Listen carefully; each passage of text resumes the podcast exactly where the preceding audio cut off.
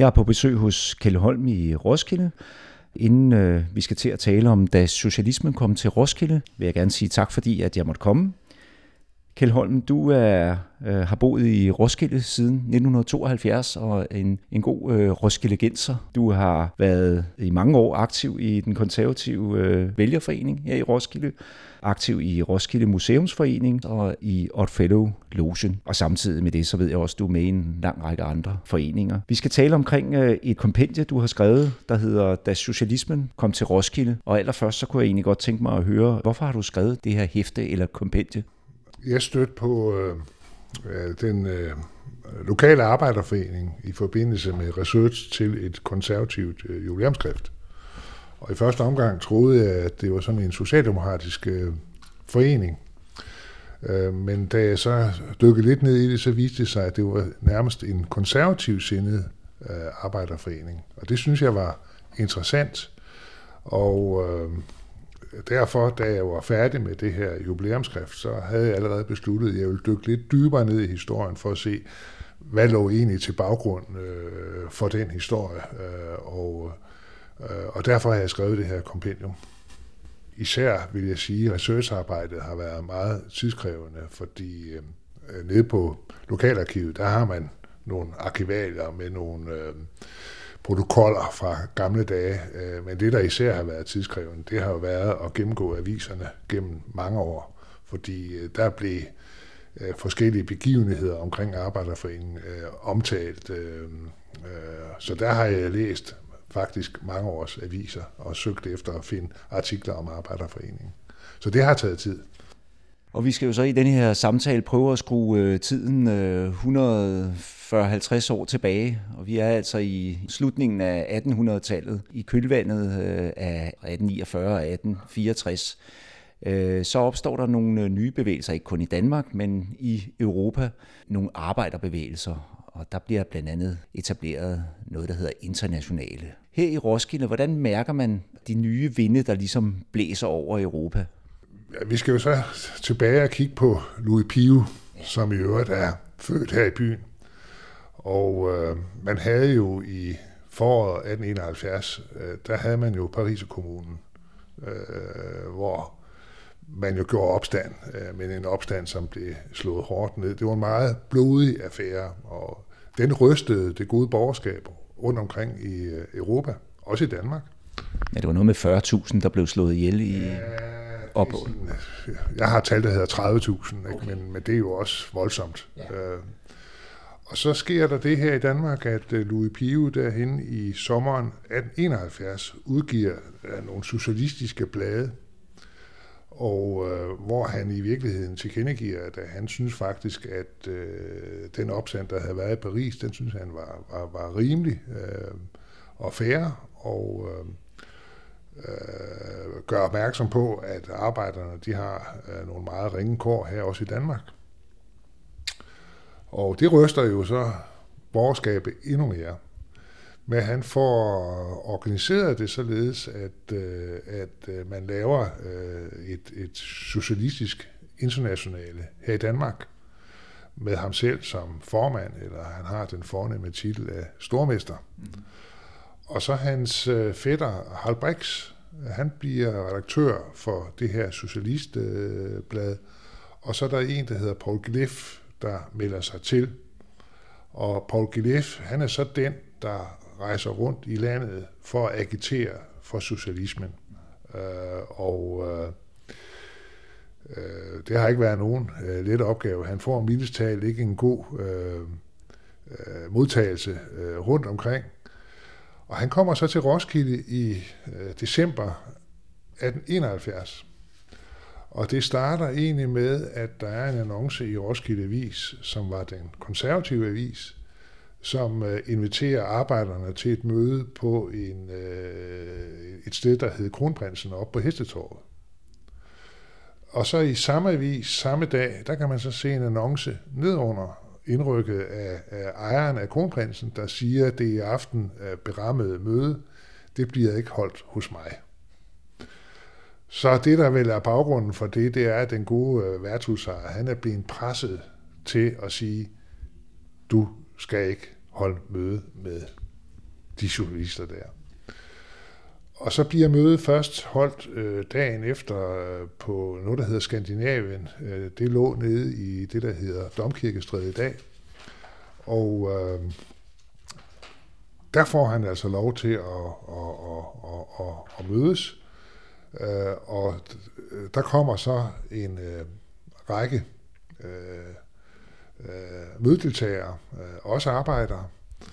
Øh, og der prøver Paul Gilef jo så at forklare, hvad det her socialisme går ud fra, ud på, og øh, det handler om at forbedre arbejdernes øh, øh, vilkår, og han har forbydet børnearbejde, og her og flåde, det skal afskaffes simpelthen. Øh, øh, han bliver imødegået af flere af byens øh, bedsteborgere på selve mødet, og han bliver faktisk også afbrudt, og øh, han bliver faktisk buet ud til sidst Øh, også fordi der var en hel del håndværkere, svinde, med til mødet, og de var nok mere borgerligt øh, orienteret end en sådan almindelig industriarbejder øh, var. Og de var sådan nok i flertal, fordi Roskilde var ikke øh, nogen industriby. Øh, den havde mange håndværkervirksomheder, og dermed mange håndværker, svende.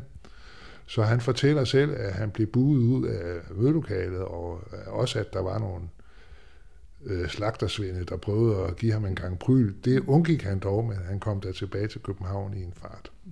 Så det var, det var, det var sådan, det er den måde, det starter på. Ganske dramatisk. Og Paul Gilef, han har rundt omkring i landet fået nogenlunde samme behandling. Øh, og der var også steder, jeg ved blandt andet i Jørgen, der fik han slet ikke lov til at holde møde. Altså, øh, der var ikke nogen, der ville huse øh, ham.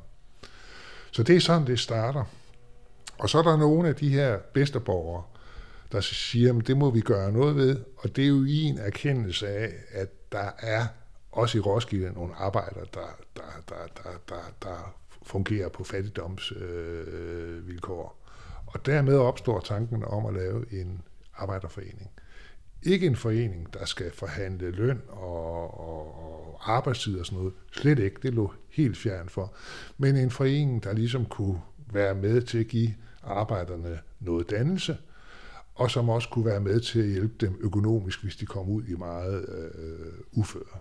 Og på det grundlag bliver Arbejderforeningen for Roskilde og St. Jørgensberg grundlagt, øh, jeg tror det er den 14. februar 1872, og det kan i virkeligheden ses som et modtræk til øh, Paul Gillef, Pio og Brix der.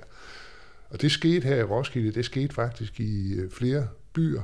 Øh, jeg ved, Odense havde en arbejderforening, øh, øh, og forbilledet for, for de arbejderforeninger, det var den, der hed Arbejderforeningen øh, øh fra 1860, som C.V. Rimestad han havde anlagt, som også gik på, at man skulle ikke sådan diskutere øh, politik, man skulle ikke sådan snakke om lønninger og arbejdstid, men man skulle lave noget oplysningsvirksomhed blandt andet, og også måske noget økonomiske øh, støtteforanstaltninger for at hjælpe øh, arbejderne at komme af med noget af fattigdom på daværende tidspunkt var der jo ikke noget øh, øh fattig hjælp overhovedet fra, fra, i hvert fald fra det offentlige side. Der var vel nogle almiser, man kunne øh, få fra, fra fattigården. Men som du også skriver i, i kompendiet, så var det jo ikke særlig socialt øh, velset at, at være på fattigården.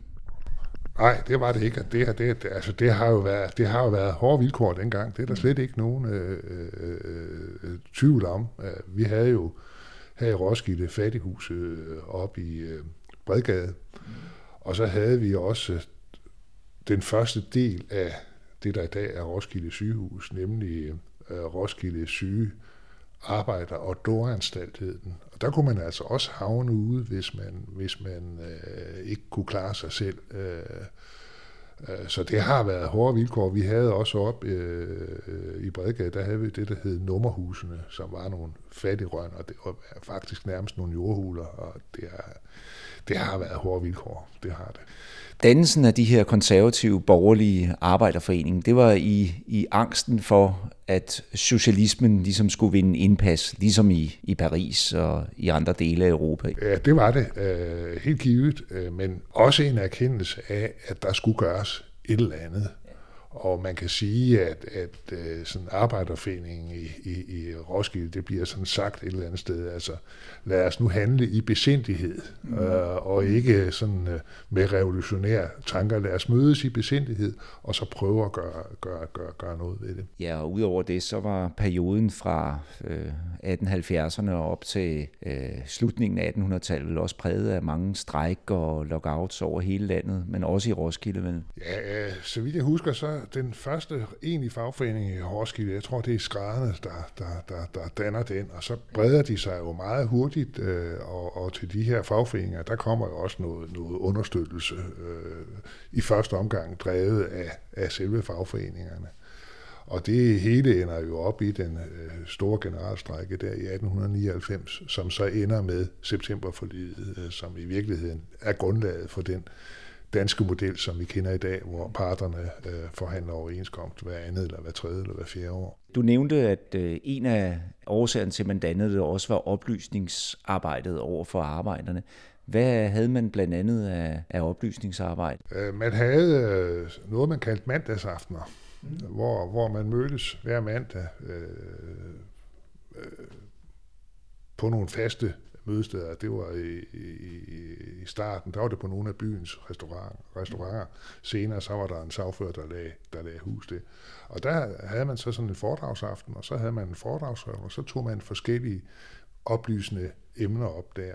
Det var sådan den ene aktivitet, man havde. Den anden aktivitet, man havde, det var sådan udflugter til, til, til udstillinger. Man lavede faktisk selv nogle øh, udstillinger.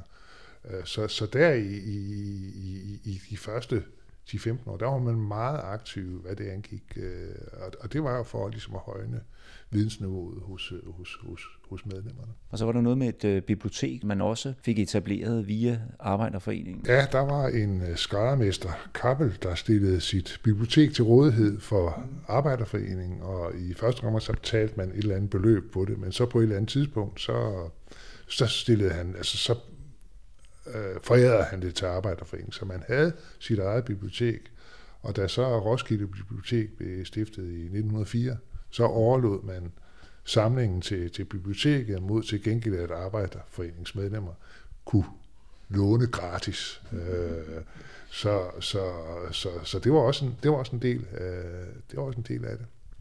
Og så havde man jo sådan ud over øh, den her oplysende virksomhed, jamen, så havde man jo også en, en, en, en, en, en, øh, nogle økonomiske hjælpeforanstaltninger. Øh, man kunne låne penge, øh, og hvis man var særligt trængende, så kunne man faktisk også få penge. Øh, og det sad der jo så en, en, en bestyrelse og øh, besluttede, hvem, hvem, hvem skulle have hvad og så videre. Så der var også nogle økonomiske øh. Jeg mener også, at man på et tidspunkt havde en sygekasse. Øh, men altså, den druknede jo så i, i takt med, at, at, at, at staten øh, øh, lavede den slags hjælpeforanstaltninger, og øh, øh den mest markante udvikling, det er jo Steinkes øh, socialreform i og det 33 i forlængelse af Kanslergade for livet. Ikke? Så man havde de her aktiviteter, øh, og de der mandagsmøder, det var noget af det, der holdt længst. Det, det, det, det kørte man med i mange år. Men så på et eller andet tidspunkt, så døde det jo også ud, ikke? fordi andre samfundsfunktioner øh, tog over. Mm. Øh, og så endte det jo med, at man så kun havde arbejderboligerne, som vi så ikke har været inde på endnu. Der var altså ikke den der politiske idé. Altså det var ikke meningen, at øh, arbejderne skulle overbevises om, at de skulle stemme øh, konservative. Nej, det er der, øh, så vidt jeg kan se, kun et eksempel på. Øh, det var da, hvad hedder han, vores grundlovs... Monrad. Monrad, ja. Han stillede op i byen i, jeg tror det var 1872, nej, jo 1872, tror jeg. Øh, og der forsøgte man at indkalde arbejderne til et øh, støttemøde øh, til fordel for Monrad via Arbejderforeningen. Øh, men så vidt jeg kan se, er det den eneste gang, man har, har, har forsøgt på det.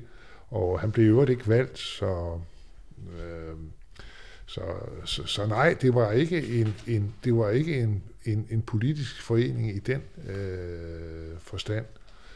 Men man kan sige, at dem, som øh, drev foreningen, øh, øh, de var borgerlige, de var konservative. Og øh, det kan man se ved, at øh, øh få år efter, der etableres jo det, der hedder Højre Vælgerforeningen. Øh, og det er faktisk de samme personer, som sidder i Arbejderforeningen, som er initiativtagere til, til Højrevælgerforeningen. Og i 1885, så kommer så øh, det, der hedder den konservative klub i Roskilde, og det er også de samme mennesker, der går i, øh, i øh, igen. Og øh, jeg har til overskriftet øh, Romo, der har jeg skrevet noget om den konservative koncern. Altså du havde Arbejderforening, som sådan var en oplysende øh, virksomhed. Øh, så havde du øh, Højrevælgerforeningen, som var en decideret vælgerforening. Mm. Og så havde du den konservative klub, som ligesom skulle opsamle ungdommen. Og de øh, tre foreninger, de samarbejdede. Det var typisk den konservative klub, der lavede festerne. Og når den gjorde det, så inviterede øh, Højrevælgerforeningens medlemmer og Arbejderforeningens vælger med. Så der har været sådan en eller anden form for sammenhæng. Men selve Arbejderforeningen, der må jo alligevel have været øh, brug for en del indtægter, som skulle finansieres. Hvordan blev øh, almisserne finansieret? Da man etablerede foreningen, så øh, etablerede man en grundkapital. Og det gjorde man simpelthen ved at appellere til byens befolkning om at støtte op om, om foreningen og betale bidrag til foreningen. Mm. Og det var, der, det var der mange, der gjorde. Man kan sådan, når man læser øh, Roskilde Avis, så kan man sådan se, hvem der har betalt øh, hvad. Det blev simpelthen offentliggjort. Ikke? Nu har den betalt 20 ristaler, nu har den betalt 10 ristaler. Og øh, øh, den største bidragsyder, det var Roskilde Sparkasse. Den gav faktisk øh, 500 ristaler. Øh, og så var der en godsejer, Johannes Hage, han gav 100 ristaler. Og øh, så kommer de ellers derned af. Så Derved fik man opbygget en grundkapital, så man var i stand til at agere økonomisk i forhold til at hjælpe arbejderne. Hvilke arbejdere blev sådan fortrinsvist øh, hjulpet? Var der sådan en bestemt gruppe, man hellere vil hjælpe frem for andre, altså den arbejdsdygtige alder, eller... Nej, altså, nej det, det, det kan jeg ikke se ud af det. Altså, de arbejdere, der blev hjulpet, det er dem, der havde behov for det. Ja, det har formentlig fortrinsvis været ufaglærte arbejdere. Det kunne jeg forestille mig. Øh, det er dem, der er, det er dem, der er blevet hjulpet, og dem, der havde et eller andet øh, økonomisk problem. Det kunne være, at man mistede sin ægtefælle, eller blev arbejdsløs, kunne det jo også være. Ikke? Øh, så det er formentlig dem, der er blevet hjulpet mest. Altså det, du kan kalde de fattigste arbejdere. Nu øh, kan jeg ikke huske, om det er i kompendiet, at du skriver det, eller det er et andet sted, jeg har læst, at den største del af leveomkostningen dengang, det var fødevarene. Altså det var jo, hvad kan man sige, det der var dyrest. Og det var vel også der, hvor der blev sparet på, hvis så de dårlige tider kom. Så var det vel på, på kosten, der blev besparet. Og man kan sige, det betyder jo så, at, at øh, i hvert fald risikoen for, at man bliver syg, den bliver større, og deraf så er der også flere, der så ligesom står uden øh, et forsørgelsesgrundlag. Men udover det, så er det jo også bolig, og der nævner du i det her hæfte, at, øh, at øh, der blev etableret nogle boliger til fattige ud fra den her arbejderforening. Kan du fortælle lidt om det? Ja, og den, og den kommer faktisk øh, næsten direkte i forlængelse af, at Arbejderforeningen den øh, stiftes. Øh, fordi der var, der var to øh, øh, aktive håndværkermestre, øh, med i etableringen af Arbejderforeningen. Det var en tømmermester Weber mm. og en murmester Schumacher. Det var byens to store håndværkervirksomheder.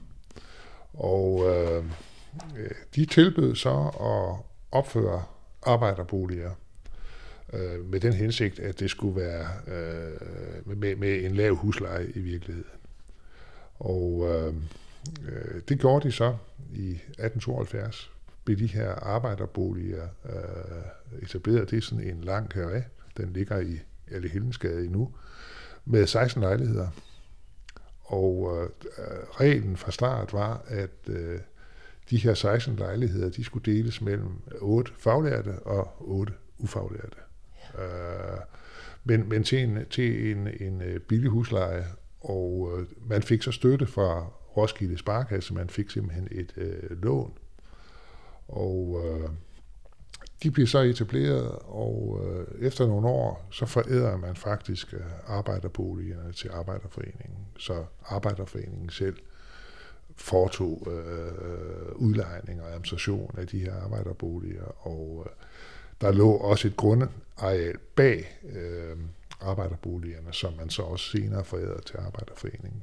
Og øh, de her arbejderboliger, det er, det, er jo, det, det, det, det, det er jo givetvis årsagen til, at arbejderforeningen findes i dag i Roskilde. Ja, fordi de ligger der jo nu, de her boliger. De ligger der endnu, og det er Arbejderforeningen for Roskilde og St. Jørgensberg, der administrerer dem. Øhm, øh, og har faktisk øh, et vedtægtsgrundlag, som minder meget om det, man havde i 1872. Der er ikke lavet ret meget om på det. Øh, og man har en reminiscens af det her med økonomisk støtte. Man har nemlig sådan et legat, man uddeler øh, en gang om året, og som man kan søge om. Og det er på 500 kroner, men altså lidt har jo også ret. Der var også noget med de her arbejderboliger, de blev øh, i 1986-87, at de blev forbedret. Det gjorde de, øh, fordi øh, før den tid, der, det var jo ganske små lejligheder, 40 kvadratmeter, og øh, der var lokum i gården. Og det fik man altså lavet om på der i, i, i 80'erne, der hvor man fik øh, moderniseret lejlighederne, og man fik bygget sådan nogle tårn på, på bagsiden øh, til netop bade- øh, og toiletfaciliteter. Ikke? Så der fik de en, en, en ordentlig omgang. Og øh, altså, det er jo stadigvæk ikke øh, store lejligheder, men nu har de trods alt de her lidt mere moderne faciliteter end i forhold til tidligere. Hvem bor der så i dag? Er det øh, arbejdere eller funktionærer? Eller? Altså den her opdeling mellem faglært og ufaglært og arbejde, den er for længst øh, passé. Ja. Øh, det er typisk øh, enlige, øh, mm. og så er det unge mennesker, mm. der bor deroppe. Øh, og der er ikke sådan, øh, du kan ikke sætte sådan en, der bor også nogen, der studerer derude, og jeg kan ikke huske huslejen i dag, men den er stadigvæk meget attraktiv. Og det ligger jo meget centralt i øh, byen, ikke? Så, så, så hvis du er enig, at du ikke sådan har behov for særlig meget plads, så er det faktisk et attraktivt sted at bo. Også fordi man bag boligerne, der har man sådan et fælles areal, der har man et lille forsamlingshus, og der er noget græsplæne og noget. Det er et godt sted at bo. Der må være lang venteliste. Det er der også, og, og det er jo så, øh, jeg mener, at man, når der bliver en lejlighed ledet, så mener jeg faktisk, at man annoncerer i avisen og siger, at nu er der en lejlighed ledet, så kan man så søge den. Men der er en, der er en venteliste på det. Det er der. Hvis vi nu ser bort fra de her boliger her, hvor lang tid øh, fortsatte aktiviteten i Arbejderforeningen? Hvornår klingede ligesom Arbejderforeningens øh, rolle øh, og betydning ligesom ud? Den havde sin storhedstid øh, sådan cirka 10 år efter øh, sin oprettelse, altså 1882, altså i 1880'erne. Mm. Øh, der var faktisk på et tidspunkt, der var der over 600 medlemmer. Mm. Øh, det var svaret til 10 procent af byens befolkning dengang. Ikke?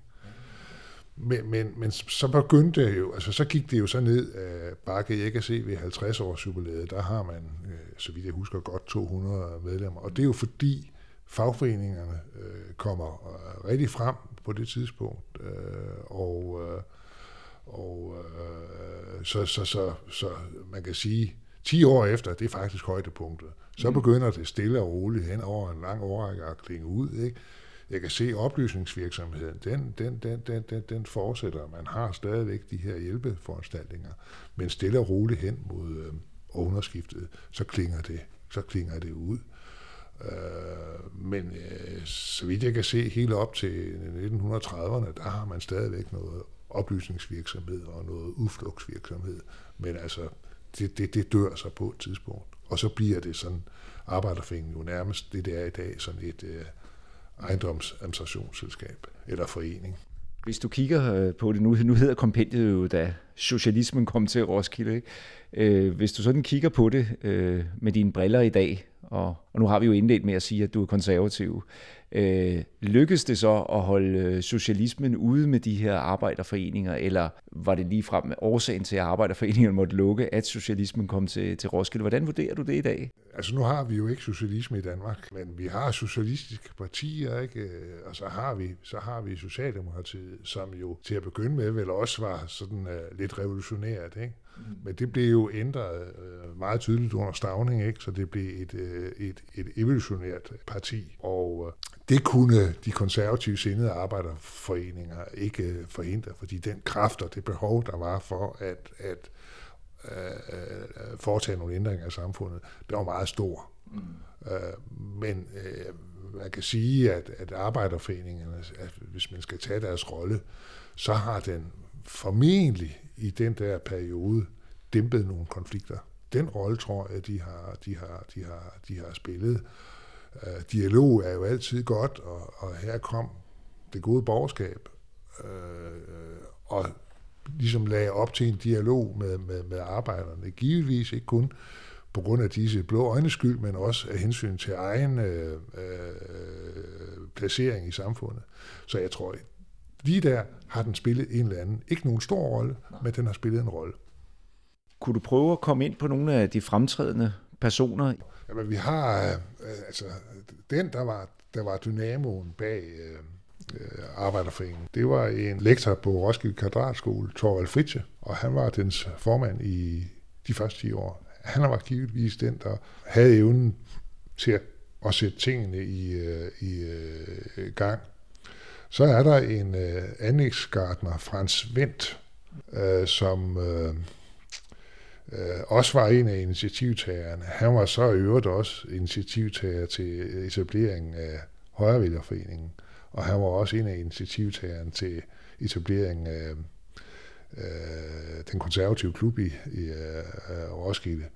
Så han, så han har også øh, været der. Så var der de to håndværkermester, øh, Schumacher øh, som murer, og Weber som tømrer der. Øh, det har også været nogle af de drivende øh, kræfter i det her spil her. Øh, øh, men specielt Frans Vendt, han, han, han, han er en gennemgående figur, når du ser på det her. Og det var jo nogle af byens bedste borgere, der, der, der, der, der gik aktivt ind i øh, det der. Men der kan nævnes, der er en hel del andre også. Der var også en typograf, øh, Christensen. Ja, der er en typograf, Geo Christensen, øh, som jo øh, øh, senere var mange år redaktør på, på Roskilde Avis. Mm. Øh, han var også med i starten, og øh, det var jo således, at, at mindst halvdelen af de her, der sad i bestyrelsen, skulle være arbejdere. Øh, og det var Geo Christensen også, for han var typograf på det tidspunkt der. Men han var jo borgerligt sindet, ikke? Så, så fra start har man sådan haft en sikkerhed for, at der var borgerligt flertal i den her bestyrelse. Man har ikke 100% haft tillid til arbejderne øh, øh, så, så, så han har været med, men han, han øh, tror nok, at Geo Christensen havde et ret hæftigt temperament. Øh, så han meldte sig ud, jeg tror allerede det var i 1876, han melder sig ud af, af, af Arbejderforeningen, og der er ikke angivet nogen årsag til, hvorfor han melder sig ud. Men så var han jo aktiv over i Højrevælgerforeningen og i øh, den konservative klub senere hen. Men øh, der er flere, man kan jo også se på, på listen over øh, bidragsydere. Øh, der har du øh, godsejer Johannes Hage, så har du distriktslæge øh, Ryge, øh, som øh, i øvrigt var sådan en ret fremadskuende læge ude på, på, på, på, på sygehuset. Mm. Øh, så har du øh, Borg, Jakob Borg, som jo er sådan, øh, Borg var jo en betydende købmandsfamilie i Roskilde, som også støtter op med penge. Så har du borgmesteren øh, Blikkingberg, som også bakker op.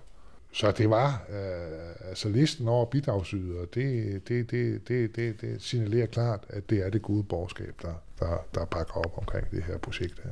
Ja, altså, som jeg også slutter i, i, i, i, i øh, den artikel, der blev bragt i, i museets årskrift, ikke, øh, så gik det jo ikke så godt for øh, Piu, Gilef og, og Brix.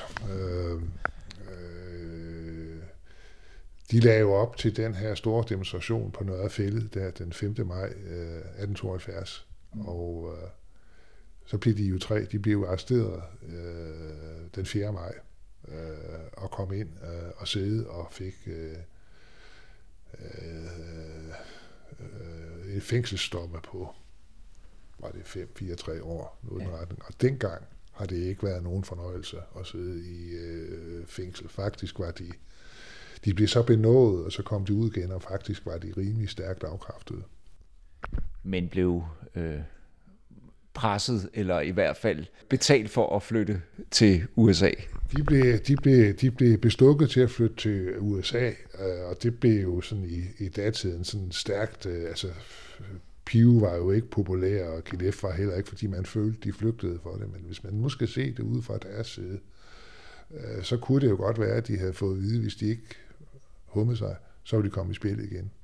I det lys, så kan jeg måske godt forstå, at de øh, tog til USA, fordi det var ikke øh, sjovt at sidde i spillet dengang der.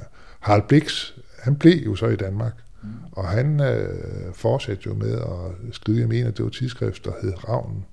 Og der kom han altså i fængsel igen. Mener, han sad i Horsens tugthus. Øh, men han blev også øh, benådet, fordi øh, han var hjertesyg.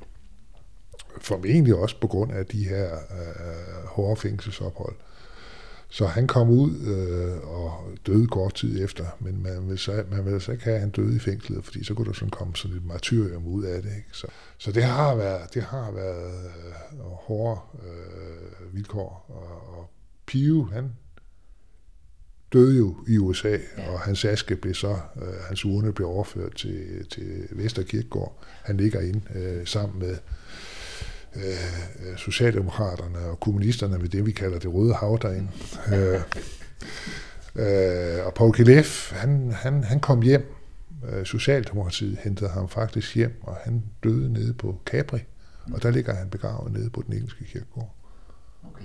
Så jeg mener, Harald Blix, han ligger oppe i Aalborg. Var der egentlig sådan noget konkurrence, deciderede konflikter, der opstod mellem øh, den konservative arbejderforening og så de socialistisk etablerede øh, fagforeninger i sådan op igennem slutningen af 1800-tallet? Ikke så vidt jeg kan se. Så har de levet hver øh, deres øh, liv. Øh, øh, jeg kan se øh, over i, i, i Odense, øh, hvor man havde den her arbejderforening, den blev sådan af fagforeningen kaldt for T-vandsforeningen sådan lidt hånligt i virkeligheden. Ikke? Men jeg tror egentlig ikke, der har været sådan nærmest, øh, at der har ikke været konflikter. Jeg tror, at, at de konflikter, der har været, de har været rettet øh, mod arbejdsgiverne, og ikke, ikke, ikke den, anden, øh, den anden vej. Øh, så jeg kan, ikke, jeg kan ikke se det. Øh, jeg prøver sådan at kigge efter ved at gennemlæse aviserne, men der ligger ikke øh, oplysninger om, at der har sådan været vilde konflikter. Og det har nok også været noget at gøre med, at, at da du først kom hen, øh, et godt stykke hen i 1880'erne, så har man mere set arbejderforeningen som, nå ja, men det var sådan en, det var en festforening, og okay, de havde noget oplysning og sådan noget, det var da helt fint, at de havde deres eget bibliotek, ikke? så lad dem være i fred. Øh, der tror jeg, at fagforeningerne, jamen, de har været rettet ind på noget helt andet, altså, og, og forhandlet sig frem til, til bedre, bedre vilkår. Det er jo sådan 10 år siden, du studerede de her ting. Er der kommet nogle nye øh, ting frem i mellemtiden, du har opdaget rundt omkring? Nej, og jeg har heller ikke, øh, jeg har heller ikke beskæftiget mig så meget, meget ved det. Jeg synes, det var, jeg synes, det var vigtigt at få skrevet det her kapitel i Roskildes historie. Der er lidt i den seneste øh, Roskilde bys historie, øh, som var udkommet, da jeg lavede øh, det her. Mm. Øh, men, men, men, men her har jeg jo så udbygget og underbygget øh, historien. Jeg var lidt inde at se på, på, på øh, om der eksisterer andre af de borgerligt sindede arbejderforeninger, der opstod dengang. Der opstod en i Odense, som formentlig har dannet modellen for den, vi får her i Roskilde. Den blev stiftet i december 1871, ikke? I øvrigt også efter at have haft besøg af Paul Gilef. uh, og jeg tror, jeg, jeg støtter også på en, jeg mener, der var en i Vejle, og der har formentlig været uh, uh, uh, flere steder. Men jeg kan ikke se, at nogen af dem eksisterer uh, mere. Hvad med den i København, du nævnte, Rimstads? C.V. Rimstads Arbejderforening af 1860. Jeg havde kontakt med den dengang, jeg arbejdede med det her men øh, det var en, en, en, en dame, jeg snakker med, og hun, øh, altså de havde ikke nogen aktiviteter mere, fordi hun sagde, at tiden er løbet fra det her, og de var, øh, som jeg forstod på hende, ved, ved, ved at nedlægge den. Øh, øh, jeg havde ikke ret meget, øh, hun havde ikke ret meget tid, for hun skulle ind og spille bridge inde i Arbejderforeningen. Så den aktivitet har de jo så stadigvæk haft på det tidspunkt, men jeg tror ikke, den eksisterer mere, men jeg har ikke undersøgt det i dybden. Øh, altså, men, men, men tanken om, at man ligesom skulle hjælpe de fattigste arbejdere, fordi det var det, der var hensigten, den, altså allerede Rimestad, der i 1860, der har tanken jo været, været fremme, ikke? Men det er faktisk også den tanke, der ligger bag den første brugsforening i Danmark, nemlig den, der opstod op i øh, Tisted i 1866. Mm. Det var en, en, en, en præst Sonne, der stod bag den. Og der var tanken, at ved at lave en brugsforening, så kunne du netop reducere den tunge udgift til, til fødevarer. Det var faktisk tanken bag det. Ikke? Øh, så den, den kan du sige er også, og den hedder jo også, eller den hed øh, Tisted Arbejderforening, mm. øh, som så stod bag, bag busen deroppe. Ikke? Så, og der ved jeg heller ikke om, om, om fordi den er jo så opslugt i KUB i dag, ikke? Men, men om, om, om den der arbejderforening faktisk stadigvæk findes, det ved jeg ikke. Det kunne være sjovt at undersøge det. Men Roskilde er en af de sidste, det er helt stensikkert. Og det er alene på grund af arbejderboligerne. Fordi hvis ikke man havde haft dem, så var den også gået hedengræn for mange år siden. Man kan jo lige sige, at noget af det arbejde er overtaget af, af loger i dag, hvor der også er, er meget velgørenhed. Ja, det er jo overtaget af rigtig mange foreninger. Der findes jo fantastisk mange øh, frivillige øh, ja, ja. foreninger i, i Danmark, og øh, og orden har jo lige haft 200 års øh, jubilæum, og der er jo også givet nogle donationer med udgangspunkt i den humanitære indsats, som øh, loserne de øh, laver. Altså de senere år, der har min loge været frivillig på øh, Roskilde Festival, og der får vi et beløb for at deltage der, og det, de penge, dem sparer vi så op, og så bruger vi dem til donationer til andre frivillige organisationer. Mm. Øh, så her i sidste uge øh, uddelte vi her i Roskilde 160.000 10 organisationer, øh, Dansk Blindesamfund, Førerhunde, veteranskytterne, Møderhjælpen her i Roskilde, Mariehjemmet, øh, julemærkehjemmet, Lilienborg og så videre, så videre. Så, så, så du kan sige, den her humanitære indsats, den er spredt ud på rigtig, rigtig mange der er organisationer, der findes rigtig, rigtig mange ildsjæle rundt omkring i landet. Og det er jo det, det, det, det, det, det er en god ting, fordi selvom vi har et velfærdssamfund, så kan det aldrig nogensinde øh, kompensere for det, de her frivillige organisationer, de, øh, de udfører, fordi de frivillige organisationer, det er også et spørgsmål om en menneskelig kontakt. Det vil det offentlige aldrig kunne løse. Ved du om det her med de øh, borgerlige konservative øh, arbejderforening i slutningen af 1800-tallet. Var det et specielt dansk fænomen? Ved du, om der var øh, tilsvarende foreninger i Sverige, Tyskland eller andre steder i Europa? Det ved jeg faktisk ikke. Nej. Det kunne være også meget sjovt at undersøge, om, om, om, om det er et specielt dansk øh, fænomen. Øh, det har jeg faktisk ikke undersøgt, men Nej. det er et godt spørgsmål. Måske er det sådan et særligt dansk fænomen, at øh, nu vel, nu øh, Galif-mødet der, der blev han hævet lidt af, i frakken af nogle slagtersvinde, men, men det var så også, da det gik på det højeste. Ikke? Måske er det et dansk fænomen, at man maner lidt til besindighed. Det er i hvert fald også et, dansk fænomen, ikke? fordi det er jo et, sådan, det er, der ligger jo en konsensustankegang bag det i virkeligheden. Ja. Ikke? Altså i stedet for at slås, så lad os da gå i dialog og se, kan vi ikke finde ud af et eller andet. Ikke? Det er de her borgerlige arbejderforeninger jo et udtryk for, og øh, der er heller ikke nogen tvivl om, i den kort periode, hvor de har deres øh, storhedstid, der gør de da noget gavn, det er helt sikkert. Øh, der er nogen, der har haft glæde af den økonomiske hjælp, de har fået. Der er nogen, der har haft glæde af, at de kunne låne nogle penge i en, lige for at komme over en periode. Og der var mange, der har haft glæde af, at de kunne få en øh, billig bolig op i alle hende. Så, men altså, de er og bliver jo sådan i den store historie, der er de jo en parentes. Men, men, men stadigvæk synes jeg en, en interessant og spændende historie.